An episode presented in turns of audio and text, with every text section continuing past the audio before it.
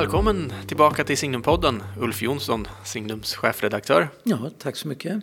Eh, vi ska göra ett sånt här lite kortare avsnitt som vi gör i samband med eh, varje nytt nummer av Signum. Och eh, nu i dagarna så kommer årets första, nummer ett.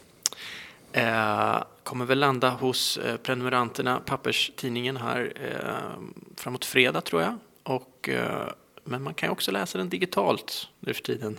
Precis. Via hemsidan och också, får vi lämna, via eh, Signums app som man kan ladda ner. Så gå gärna in och ladda ner Signums app så kan man eh, läsa där också.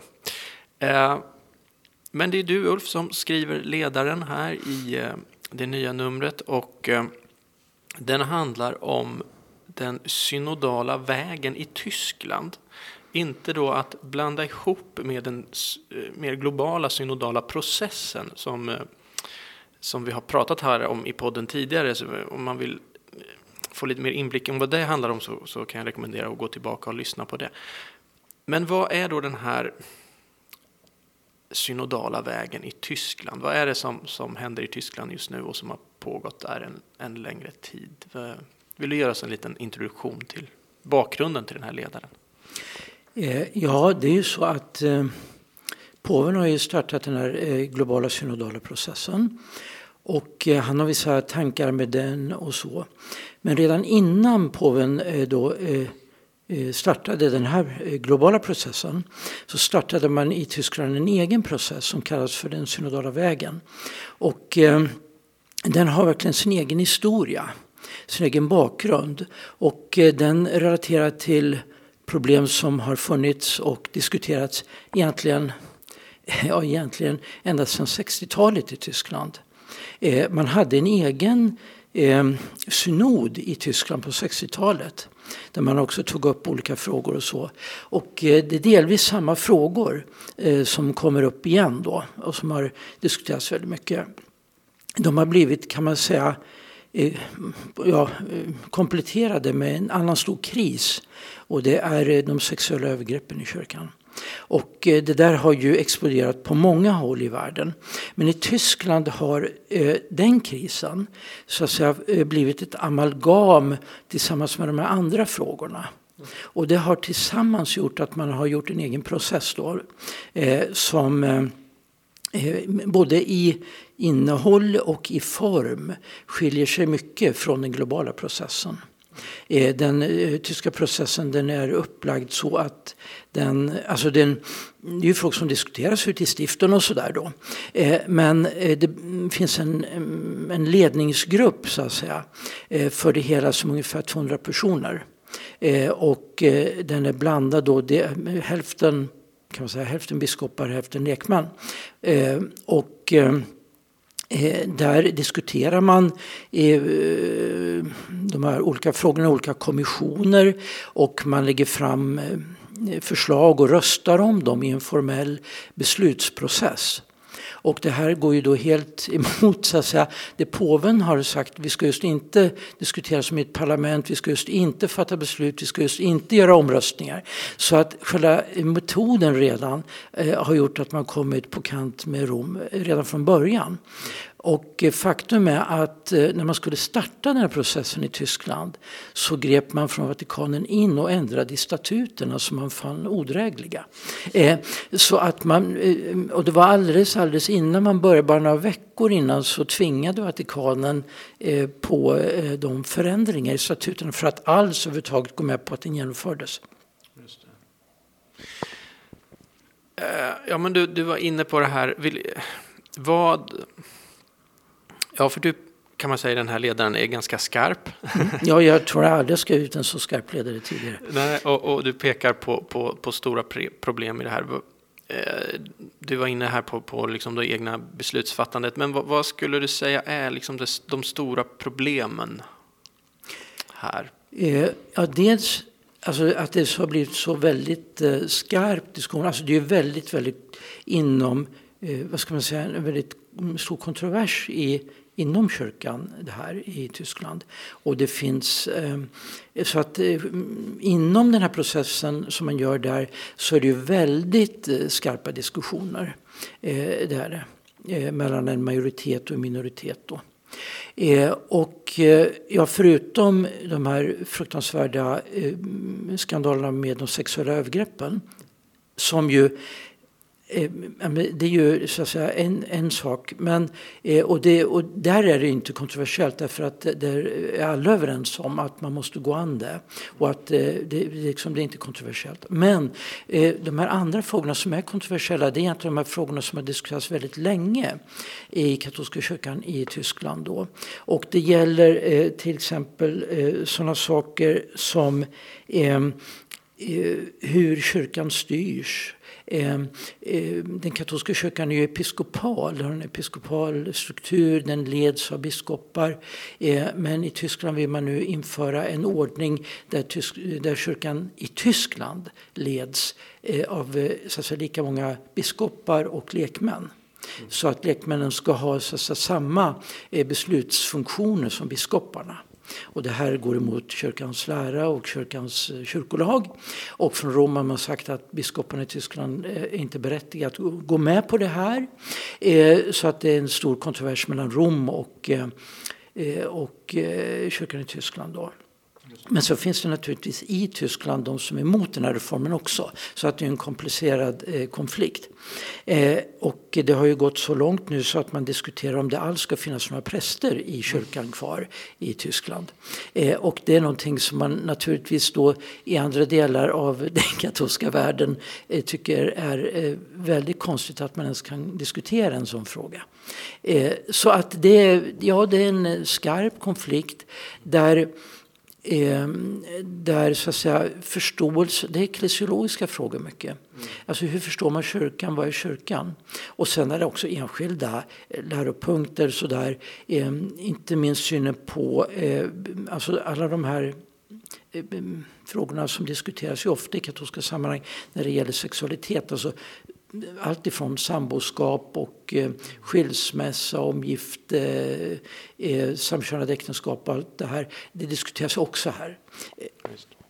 Ja, eh, men är det inte så, jag får en känsla av att eh, en del av de eh, problem som man har ringat in, som, som jag tror många kan vara överens om finns i kyrkan och som också den, den mer globala synodala processen har pekat på, till exempel eh, klerikalism och sådana saker som, som jag tror är problem mm. som finns. Uh, och även det här som rör, för, för, när påven startade den synodala processen så sa han ju att en av eh, tankarna med det var att dra dem som kanske hamnat utanför kyrkan, eh, få dem att kanske hitta tillbaka till kyrkan och så vidare. Och om man ser det som har gjort att många idag hamnar långt från kyrkan tror jag bland annat har med det här klerikalismen att göra men också synen på, på sexualitet och så här eh, såklart. Och eh, då har ju liksom man försökt att på något sätt hur ska vi adressera det här? Hur ska vi kunna lösa det här? Eh, och dra de här människorna komma närmare kyrkan igen. Men här känns det då i Tyskland att man har gjort ett oerhört radikalt, alltså man har, problemen finns ju där. Men problemen är ju kanske inte att det finns präster. Alltså då, alltså, problemet med klerikalism är inte att vi ska avskaffa prästämbetet. Eh, alltså de, det blir extrema lösningar på, på de faktiska problem som finns. Mm. Uh, och uh, ja. Ja visst. Eh, jo det är ju så. alltså det, för att förstå hur man har kommit till de här förslagen. Alltså, det är naturligtvis så att eh, det här är ju mm, frågor som diskuteras över hela världen och det betonar man också eh, inom den synodala vägen. Det här är frågor som diskuteras över hela världen. Men, men sättet att, så att säga, behandla dem på och närma sig dem är väldigt annorlunda. Eh, därför att eh, det är unikt att man eh, överväger den frågan, att avskaffa präster. Det, så att säga, det, man är helt, så att säga, jag vet ingenstans i världen inom katolska kyrkan där man skulle komma med ett sådant förslag annars. Mm. Jag har aldrig hört. Och det, jag tror att de allra, allra flesta är fullständigt främmande för frågan. men Anledningen till det är den speciella situation man har i katolska kyrkan i Tyskland. Att katolska kyrkan lär vara Tysklands största arbetsgivare. Eh, man har en enorm administrativ apparat. Man har, man eh, har ju jättestora institutioner. Man driver högskolor, man driver många sjukhus. Man har jättemånga utbildningsinstitutioner, alla dessa församlingar och så vidare. Man har enormt många anställda. Det är till och med så att katolska kyrkan i Tyskland har så många anställda som man har en egen arbetsrätt. Den tyska staten har en egen arbetsrätt för anställda inom katolska kyrkan. Vilket ju framstår som en väldigt konstig sak. Att det finns en särlagstiftning för katoliker som är anställda i kyrkan. Så att säga. Men, men det är så stort. Eh, och problemet eh, som man står inför det är att ett problem som teologer som Karl Rahner och Josef Ratzinger påpekade redan på 70-talet. Eh, när man diskuterade de här frågorna då. Att det är ett stort problem när samhället sekulariseras och väldigt många eh, som är nominella katoliker får ett distanserat förhållande till kyrkan. Man går inte till kyrkan längre, man, man är främmande för mycket i kyrkan. Men man är anställd av kyrkan. Och kyrkan ställer särskilda krav på de här eftersom de ses som så att säga, särskilda representanter för kyrkan. Och det, det, finns alltså jättemycket diskussioner, just den här arbetsrätten diskuteras jättemycket nu. Ehm, och ehm, man kan säga att eh, det är en folkkyrkans kris. Det, man har en enorm apparat, man har, eh, man, man har en särställning också rent rättsligt i samhället och så. Men det finns helt enkelt inte så många människor som är aktiva i kyrkan längre. Och det här skapar jättespänningar. Det jag skulle säga att det primärt är folkkyrkans kris. Mm. Just det. Men om man eh, tänker då, vad, vad, kan bli resultatet av det här? Du, du skriver på slutet att, att ett eh, liksom, worst case scenario är kyrkosplittring rent av. Eh, alltså, hur troligt är det, tror du? Att det skulle gå så långt? Så. Nej, jag tror inte det är särskilt troligt. det är det inte. Vad är den mest troliga utgången av det här då, tror du? Eh, jag tror att det blir så att det här kommer att, slu eh, det, det här kommer att ta lång tid. Det är ingenting som kommer att lösas inom kort. Eh, utan det går hand i hand med folkkyrkans upplösning. Eh, alltså katolska kyrkan måste så att säga, anpassa sin organisatoriska kostym till verkligheten. Och det kommer att ta eh, förmodligen ett par årtionden. Eh, eh, antalet människor som lämnar katolska kyrkan, utträder ur katolska kyrkan i Tyskland är ju väldigt, eh, det tilltar väldigt mycket. Man förlorar många medlemmar och det kommer också att eh, på sikt rasera den här eh, ekonomin som man har haft hittills. Men det där gäller väl också generellt i världen, eller i Europa i alla fall? I Europa är det ju så. Men man måste säga att katolska kyrkan i Tyskland har varit exceptionellt rik jämfört med nästan alla kyr katolska kyrkor i världen. så att säga. Det finns knappast någon del i världen där katolska kyrkan har varit ekonomiskt så stark som i Tyskland.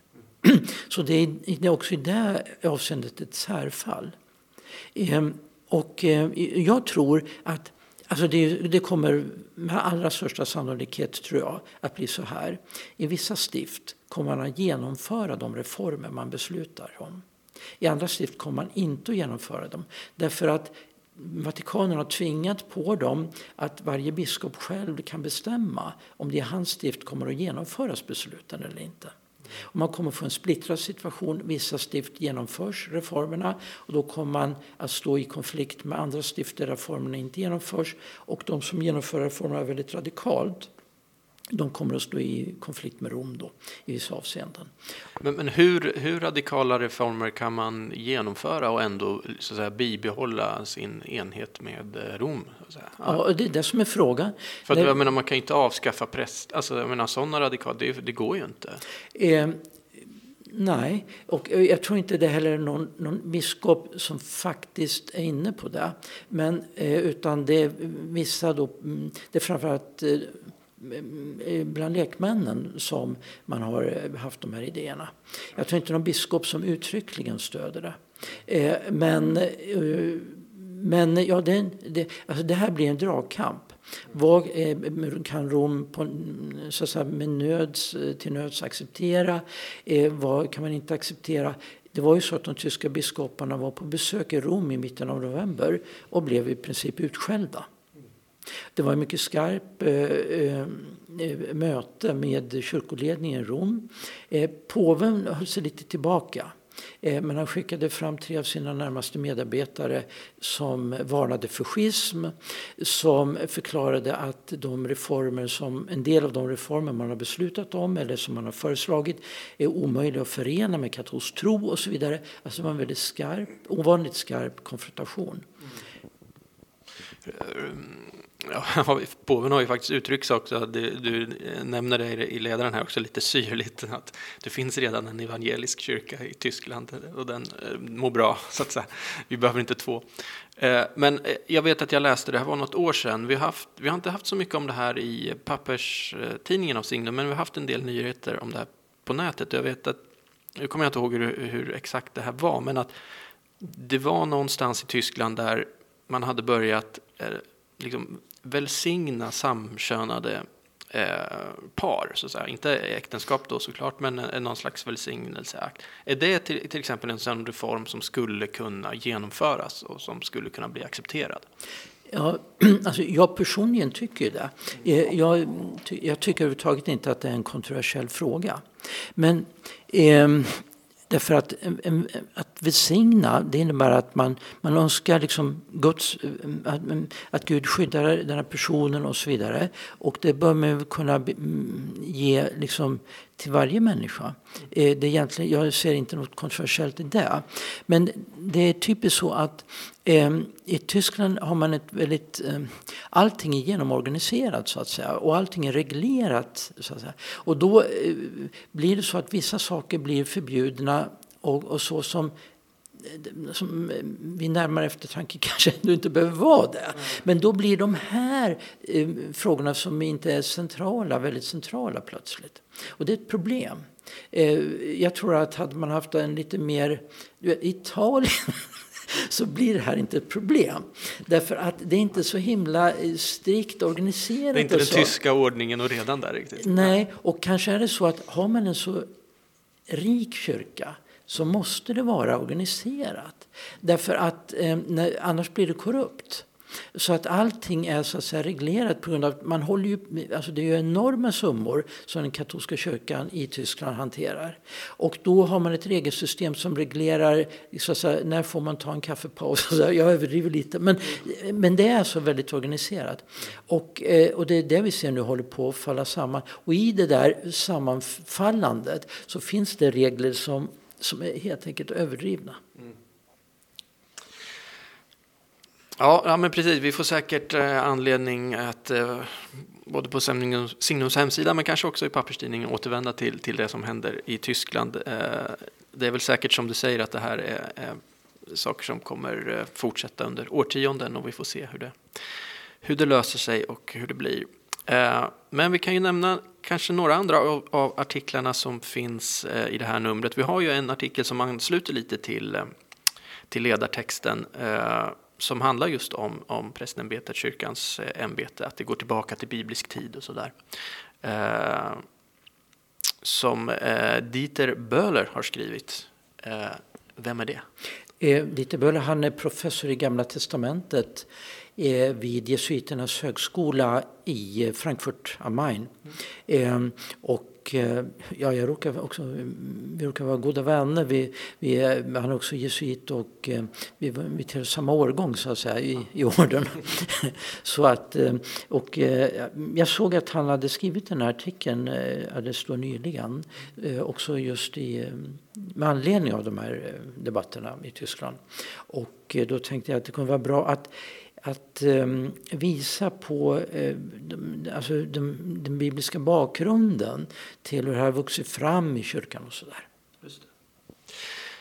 Uh, har vi några andra uh, texter här som du tycker att vi kan lyfta fram lite extra?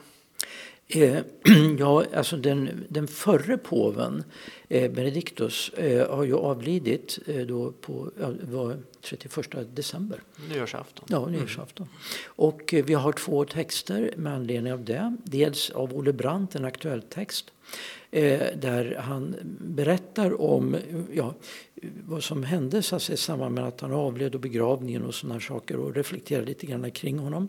Men sen har vi också en längre text av honom själv. Eh, det tal som han höll till sina medarbetare i Vatikanen första julen han var påve. Och det är en väldigt eh, intressant text. Eh, det är första gången den publiceras på svenska. Men det är framförallt en intressant text därför att det ger en överblick över hans teologi. Och, eh, och inte minst hans syn på Andra Vatikankonciliet men överhuvudtaget över hans teologi. Så att det är en eh, intressant text av den anledningen. Mm, det är fint. Vi kommer eh, återvända till, till eh, påve Benedikt Ratzinger i, i podden här också framöver och fördjupa oss lite i honom. Um, vi har ju en intervju också med eh, Martin Modéus. Eh, kan vi nämna det. också. Eh, Svenska kyrkans nya ärkebiskop som efterträtt eh, Antje Jackelén. Ja. Ja, den, jag tycker den är mycket fin. Det är Magdalena Dahlborg som har gjort den och som kan mycket om ekumenik. Och eh, jag tycker att den, eh, alltså den är eh, väldigt eh, fin därför att den visar på eh, sätt hur man kan bedriva ekumenik på ett, eh, så att säga, eh, ett konstruktivt sätt som eh, verkligen främjar enheten och, och, eh, och eh, samverkan och så. Jag tycker den är väldigt läsvärd. Mm. Måste jag säga. Och sen en, en annan eh, artikel som jag gärna vill slå ett slag för det är eh, Lisa Wetterbergs om tidebön i dataåldern.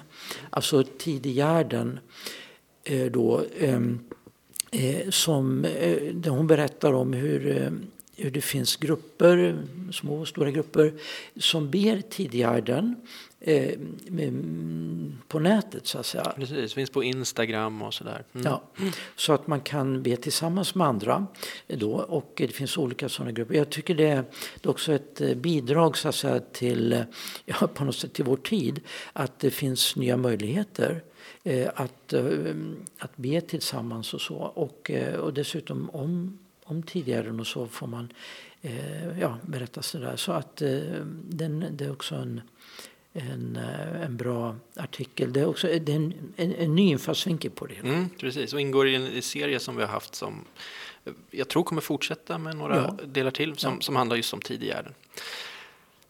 Ja men fint, där har vi en, en liten presentation utav signum nummer ett, årets första nummer eh, som kommer nu precis i dagarna. Eh, tack så mycket Ulf Jonsson för att du gästade det här avsnittet av Signumpodden. Mm, tack så mycket. Tack alla ni som har lyssnat och lyssna gärna på oss igen i nästa avsnitt. Hej så länge!